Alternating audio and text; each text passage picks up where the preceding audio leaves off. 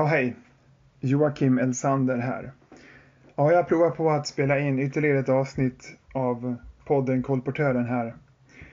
Det är lite annorlunda därför att jag är ensam idag.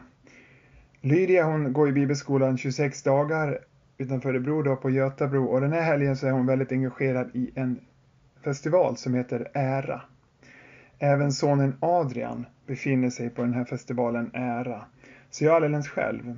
Det betyder att jag har inte tillgång till Adrians eh, coola Mac-dator med hans eh, fina studiemikrofon. Utan jag försöker helt enkelt hanka mig fram och spela in det här ändå. Inte kommer jag kunna redigera och greja så mycket heller är jag rädd, så det gäller att det här blir hyfsat på en gång. Nåväl, nåväl, så ser det ut. Det var väl Lewis Carroll som sa att man skulle göra sex omöjliga saker innan frukost. Nu har jag precis ätit frukost, så jag ger mig på en, en omöjlig sak efter då och spela in den här podden på ett hyfsat sätt. Vi får se hur det blir. Jag tänkte börja med en liten uppdatering om, kring min hälsa. Eh, för nya lyssnare som kanske inte känner till det så är det ju så att jag då fick en väldigt tuff cancerdiagnos i april. Och det handlar om gallvägscancer, alltså cancer på gallvägarna i levern. Eh, en, en, en eh, svår diagnos. Eh, och jag har nu hela sommaren fått behandling då, ända sedan jag fick den här då har jag fått cellgifter, cytostatika då. Jag har, det tar en måndag förmiddag, eh, två måndagar på raken och sen vilar jag en måndag, sen kör jag två måndagar till och så har jag hållit på sedan dess då. Och de goda nyheterna är att den här tumören har frysit, visar senaste röntgen. Den har inte vuxit sedan man upptäckte den då. Eh, men eh, det som är lite tufft är ändå då att utifrån läkarvetenskapen så tror man ju inte att den här tumören går att bota utan man kan bromsa, man kan eh, stoppa upp den så, frysa den och så. Men, men det är ändå en väldigt allvarlig diagnos som jag har fått. Då. Och jag har märkt den här sommaren har ju präglats väldigt mycket av den här nya situationen jag, jag och hela familjen har hamnat i. Det följer ju massa saker på en sån här sak. Jag känner inte riktigt igen min kropp till exempel. Jag har haft återkommande blodförgiftningar i sommar. Eh, hög feber som har bara dykt upp från ingenstans flera tillfällen. Så nu käkar jag penicillin eller ja, antibiotika då som profylax, alltså förebyggande. Hela tiden så tar jag, varje dag tar jag en, en, en liten eh, en liten tablett för det då. Och då har man fått ordning på de här. Eh, så feber har jag inte haft på länge nu. Men det är lite så här, kroppen och, och cellgifterna gör saker med kroppen också. Man märker att eh, muskelmassa försvinner, man känner inte, inte riktigt igen sig själv, man blir tröttare än vanligt. Och så. Det som är gott är att jag har, har ingen smärta alls egentligen. Jag känner inte av den här cancern så liksom, utan det är mer i form av trötthet och att man, man blir svagare helt enkelt. Vissa dagar är jag riktigt trött och andra dagar känns det nästan som vanligt. Men i måndags nu, den här veckan, då hände något lite obehagligt. Jag vaknade på morgonen och kände väldigt litet tryck över bröstet så här. Jag undrade lite vad det kunde vara, men jag tänkte inte så mycket på det utan jag fortsatte min dag. Men framåt eftermiddagen så började det göra ont ordentligt. Och på kvällen så gjorde det riktigt, riktigt ont och vid nio tiden då, då brann hela min vänstra sida av en enorm smärta. Jag kunde bara sitta still på en stol, jag kunde knappt andas, jag kunde inte röra mig, jag kunde inte göra någonting. Jag kunde knappt ropa på frun och säga att nu är det allvarligt, sa jag. Vi måste ringa efter en ambulans. Eh, och hon eh, kom till mig då och då släppte det lite grann så jag tänkte nej vi ska inte överdriva här och ta ambulansen, du får skjutsa in mig. Så hon, vi fick in mig i bilen och så åkte jag in till, till akuten. Och de där perioden, den där perioden, då hade jag faktiskt riktig dödsångest. Det har jag faktiskt inte känt tidigare på det sättet. Jag kunde till slut bara sitta där och andas Jesusbönen. Jesus Kristus, Guds son, förbarma dig över mig. Förbarma dig över mig. Det var liksom allt jag fick fram. Men hur som helst, vi kommer in till akuten då och jag får snabbt hjälp. De sätter på EKG och allt det här som de gör då. Och kan och ta blodprover och hit och dit. Och de kan ganska snart utesluta hjärtinfarkt. Det är det inte. Men natten går där på akuten som, de, som nat, nätter gör på en akut. Det händer inte så mycket. Läkaren är någon annanstans och det är full fart överallt. Men eh, eh, till slut i alla fall så, så läggs jag in där. Framåt femtiden läggs jag in på en avdelning. Och sen på morgonen så görs en röntgen. Eh, och då konstaterar man att jag har flera blodproppar i lungorna. Eh, och det är så med en cancertumör så har man förhöjd risk för blodproppar. Då. Ja, blodet beter sig liksom lite annorlunda. Jag fick häromveckan åderbråck till exempel på ett ben. Eh, det, hade inte det associerade jag med, med, med, lite äldre åldrar, men det fick jag i alla fall. Och det sa man också, ja men det har att göra med att blodet beter sig lite annorlunda. Högre risk för proppar och även då högre risk för, för hjärtgrejer då naturligtvis. Då. Men den här gången var det alltså proppar i levern. Eh, inte i levern. Ja, det var det här. Jag hade en propp i levern också tidigare i somras, men den kände jag inte av alls. Den här gången var det i lungorna och det var smärtsamt. Otroligt smärtsamt. Men jag fick då propplösande sprutor och så här som jag fortfarande nu ska, ska ta. Eh, jag har tagit dem tidigare också vid, vid tillfällen så, så det vet hur man gör. Man sprutar sig själv i magen med fragmin heter det. Eh, och jag var inlagd där och hade väldigt ont och besvärligt egentligen. Men eh, jag var kvar till onsdagen på sjukhuset. Sen blev jag utskriven och sen hade jag ont hemma också. Inte när man står och går så mycket men när man ligger gjorde det väldigt ont. Men i natt, den första natten, då jag inte kände av den här smärtan utan jag kunde sova hyfsat plant i sängen. Så det släpper, det ger sig efter ett tag. Men just den där dödsångesten i måndags när jag trodde att jag hade fått en massiv hjärtinfarkt. Den var obehaglig. Jag, jag har skrivit lite om det på elsander.se för den som följer min, min blogg också. Ja, när man, har en, en, när man åker på en sjukdom så här som cancer. Då, då, ibland kommer jag på mig själv med att jag tänker att nu Joakim, nu låter du som en pensionär som bara pratar om krämpor och symptom och sjukdomar och sådär. Samtidigt så finns det ett behov att berätta var man finns i livet och hur det är. Jag ville bara dela lite grann med er. Men just nu så känns det bra, hopp om livet. Det känns ändå, jag känner ändå tillförsikt. Så. Nu får det räcka, det var lite om min hälsa. Förra veckans podd, då var det jag och sonen Adrian som samtalade eh, om helvetet. Och det har kommit lite reaktioner på det. Det är ju så att många i min tradition är ju väldigt måna att betona att vi, vi, vi måste tro.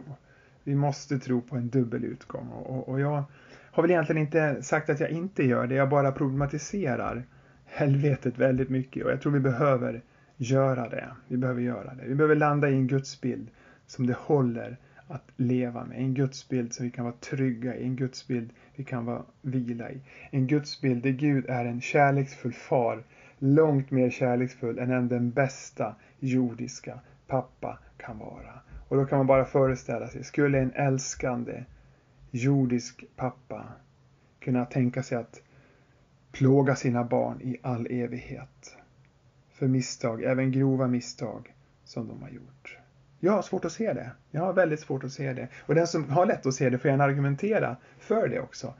Eh, jag ser inte det när jag läser till exempel liknelsen om den förlorade sonen. Hur, hur den här sonen som, som önskar livet av sin far ber att få arvet i förväg. Eh, oerhört fräckt i en hederskultur, totalt oacceptabelt. Han ger sig av, han ger slut på alltihopa. Han kommer släpande hemåt och hans pappa springer honom till mötes, omfamnar honom, upprättar honom. Det är en bild av Gud. Sån är vår Gud. I, i vissa människors version av Gud så, så skulle den här fadern då eh, skicka sina tjänare och ta den här sonen och slänga honom längst ner i fängelsehålan och tortera honom. Men det ser vi inte i liknelsen. Vi ser en älskande far som upprättar. Och det är min gudsbild och den gudsbilden har jag landat i och den gudsbilden är jag trygg i. Det är en Gud som är lik Jesus Kristus. En Gud vars ansikte är Jesu ansikte.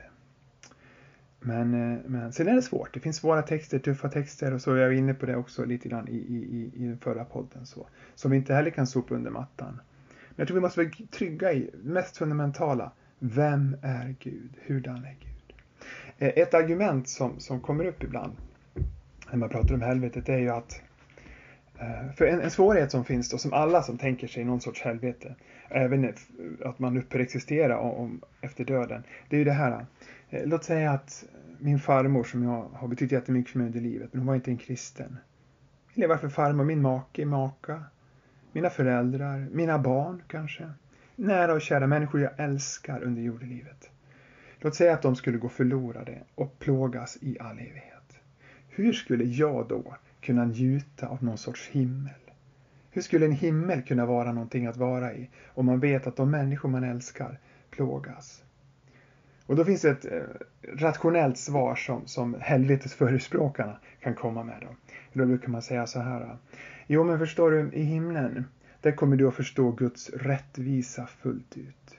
Du kommer förstå syndens hemskhet Eh, och du kommer att förstå hur Guds rättspasos, Guds, Guds helhet kräver liksom att, att synden straffas. Och då kommer du att förstå att dina barn, din farmor, din make, maka eller vem det nu är, plågas i all evighet. Du kommer förstå att det, det var rätt och riktigt att det är så. Eh, men då brukar jag säga, ett argument som jag brukar använda då och som inte jag kommit på som är ganska vanligt men som jag tycker är ett oerhört viktigt argument. Och det är det här, ja men i himlen då, hur vi nu tänker oss himlen, så tror vi att vi kommer att fullkomnas. Eh, vi kommer att vara utan synd, utan vårt ego. Vi kommer fullt ut vara de människor Gud skapat oss till att vara. Vi kommer vara oss själva helt och fullt. I harmoni, kärlek och frid. Och vi kommer att ha en fulländad, om vi har en fulländad rättsmedvetande, så kommer vi också ha ett full, en, en fulländad empati, en fulländad kärlek. Det betyder att vi varje dag i himlen kommer att känna en fulländad kärlek, fulländad saknad, fulländad empati för de människor som vi har älskat hela vår, vårt liv under jorden, under jordelivet. Så varje dag kommer vi att känna den djupaste empati och medkänsla med de som torteras och plågas, om vi nu tror det. Och hur kan himlen bli en trevlig plats? Om varje dag så känner vi den här oerhörda medkänslan och kärleken med de människorna. Hur bär man en sån empati i all evighet? jag har svårt att förstå det. Det är ett argument faktiskt mot det traditionella helvetet som jag har väldigt svårt att, att, att, att se, se någon, någon kan, kan knäcka det argumentet. Då. då brukar man kontra med att säga att ja men det kanske är så här då att i himlen, det kommer du att glömma bort de här människorna. De kommer bara att raderas från ditt minne. Du kommer vara så upptagen av himlens härlighet att du kommer att glömma bort dina barn, eh, din fru, eh, din mormor, din farmor eller vem det nu är. Men det är ett väldigt korkat argument för att vilka är vi om inte de människor vi har relationer med? Vi blir till i relationer. Jag är den jag är tack vare min relation med mina barn, med min fru, med min farmor, mormor, med alla de här människorna. Eh, om det skulle bara skäras bort ifrån mig, om det skulle bara plockas bort, då är jag inte längre Joakim Elsander. Då är jag någon helt annan. Och då är himlen en plats för, för inte för människor, utan för nya varelser på något sätt, som inte har någon, någon koppling till de vi en gång var. Och den himlen, den börjar låta mer och mer som ett helvete om jag tänker på det. Vi blir till i relationer. Vi blir till i relationer med de människor vi älskar. Och så är det nu. Och så tror jag det kommer att vara i all evighet. Så det var bara några ord till om helvetet. Men jag vill säga, även om jag låter väldigt övertygad så är det ett svårt ämne. Vi får fortsätta brottas. Vi får fortsätta fundera på det här tillsammans. Ett, en sak som det har kommit önskemål om att komma upp här på, på podden framöver. Det är lite på samma tema som helvetet. Det handlar om det här med, med, med rädsla och fruktan. Hur mycket av religionen, vår religion, kristen tro, som ibland byggs på fruktan. En del människor känner inte igen sig i det och jag, de människorna ska vara oerhört glada, oerhört tacksamma och bara säga wow vad skönt att jag har sluppit det här. Men jag har som pastor under mina 20 år mött så mycket rädsla, människor som är skrämda, dels av helvetet. En annan sak som har skrämt, kanske inte min generation, jag är född 1973 då. Men min, min mammas generation, mina föräldrars generation, det kan man höra, och även min generation också på sina håll. Det fortsätter in i vår tid, men, men speciellt kanske lite längre tillbaka. Det var ju rädslan för den sista tiden, för ett uppryckande. Tanken att eh, Jesus kommer och tar hem sitt folk, rycker upp sitt folk. Och det var barn som var livrädda, gick upp på nätterna och tittade. Min mamma bland annat gjorde det. Tittade om föräldrarna var kvar på natten och trodde att Jesus hade kommit och tagit dem. Vilken gudsbild! En Jesus som skulle hämta föräldrarna men lämna barnen. Och det sålde predikanterna in på 30, 40, 50, 60, 70, 80, ja kanske ända in i vår tid. Om man tror på den här uppryckande grejen. Som jag vill mena, och det förtjänar egentligen ett helt poddavsnitt, att, att det är en helt förvanskning av, av vad Bibeln säger om, om den tid som vi har, om, om det, det vi kallar den sista tiden, om när Guds rike ska bryta fram helt och fullt i den här världen. Det är någonting som Bibeln talar om att vi ska längta efter och hoppas på och se fram emot. Guds rike som bryter fram. Det är ingenting vi ska skrämma barnen med. Men det har man gjort. Och jag minns själv en gång, eh, jag var faktiskt i Pingstkyrkan i Borlänge någon gång, eh, sent 80-tal var det nog. Då hade man visat den, den gamla 70-talsfilmen Som en tjuv om natten. Fast jag tog den aldrig på allvar. Jag tyckte mest de hade utsvängda byxor och så konstiga ut i en 70-talsfilm. Eh, Larry Norman, den kände kristne musikern, som gjorde mycket bra och har gjort en del ganska dåligt också. Åtminstone teologiskt väldigt dåligt, även om han var en duktig musiker. Han hade någon sång där, I wish we'd all been ready, som Pelle Karlsson översatte till Du blev lämnad kvar. Pelle Karlsson, det var en gammal känd svensk sångare inom frikyrkan på 80, 90, ja, 70, 80, 90-talet kanske, 70, 80 mest kanske. Ja, ja, nåväl, mycket fruktan, mycket skrämsel och mycket koncentrerat kring den sista tiden. Eh, vad som kommer att hända i framtiden helt enkelt. Totalt vansinnigt och främmande för evangelium. Eh, och ibland så hör man människor säga, och det gör mig fortfarande lite upprörd, det höjer pulsen lite grann på mig. När man läser debattartiklar eller man hör människor som säger så här, nu för tiden talar vi inte om Jesu återkomst. Vi måste tala om Jesu återkomst, säger man. Och de som säger det, i 99 procent av fallen, så vill de ha tillbaka den här undervisningen med uppryckande och skrämsel och hela det paketet. Och jag säger nej. Det ska vi inte tala om igen. Vi ska tala om Guds rike som kommer och möter oss. En famn som möter oss. Jesus seger, skapelsens upprättelse. Där ska vi tala om. Vi ska inte skrämma varandra. Så jag har lite svårt för de argumenten faktiskt. Nåväl, fruktan som motivator och den finns då runt den sista tiden, det finns runt helvetet. Eh, och sen finns det också en annan sak som, som, som eh, jag fick brottas med när jag var tonåring och det var kravet vi hade på oss. Vi skulle ju försvara den kristna tron i skolan. När vi gick på högstadiet och gymnasiet. Eh, och då på den tiden då så, så var det, och det är fortfarande starkt. Det skrämde mig när jag mötte det också. Jag trodde det var en sak som hörde till way back in the past when we didn't know better. Men det finns fortfarande kvar. Och det handlar om att man går emot eh, vetenskapen. Att man som kristen måste eh, hela tiden argumentera mot evolutionsteorin och, och argumentera för den, att jorden bara är 6000 år gammal och, och allt det här. Så många människor som har fastnat i en bokstavlig läsning av de första kapitlen i Bibeln. Man försöker läsa in naturvetenskap där det finns fantastiska myter, det finns fantastisk poesi som är livgivande, har varit under tusentals år till människor som har läst den boken. Men i vår tid, då vill vi göra det till platt naturvetenskap och sen ska barn lära sig att argumentera emot vetenskapen. Och det kanske håller ett tag. Men när du bara kommer upp i högskolan, jag har sett så många människor som lämnar den kristna tron totalt och säger vad var det för nys jag fick lära mig när jag var liten? Vad var det här för någonting egentligen? Så lämnar man allt sammans. Jag har många sådana exempel på människor. Nej, det finns ingen motsättning alls i det här. Det är mitt budskap. Det finns ingen motsättning alls. Bibeln är en bok som handlar om vem som skapar, handlar om varför-frågorna. Sen får naturvetenskapen ta hand om när det hände och hur det hände. För vi tror på en Gud, jag tror på en Gud som är alltings ursprung. Men sen har allting skapats och jag tror vetenskapen är den som vi kan använda för att se hur, hur det har gått till. Men det hindrar inte att Gud är skaparen till allting. Man pratar om skapelsetroende ibland, som att det låter något som att det handlar om de här människorna som tror att jorden är 6000 år. Så alla kristna tror ju att Gud är ursprunget till allting. Va? Det har vi gemensamt. I begynnelsen skapade Gud himmel och jord.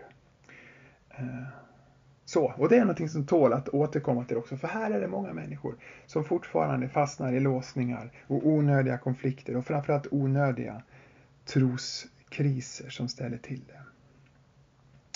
Ja, det här blev lite kortare än, än, än vanligt. Det var mer lite en, en, en, liksom en teaser på vad som kom, komma skall. Men som sagt, jag har inte barnen med mig, vare sig Lydia eller Adrian.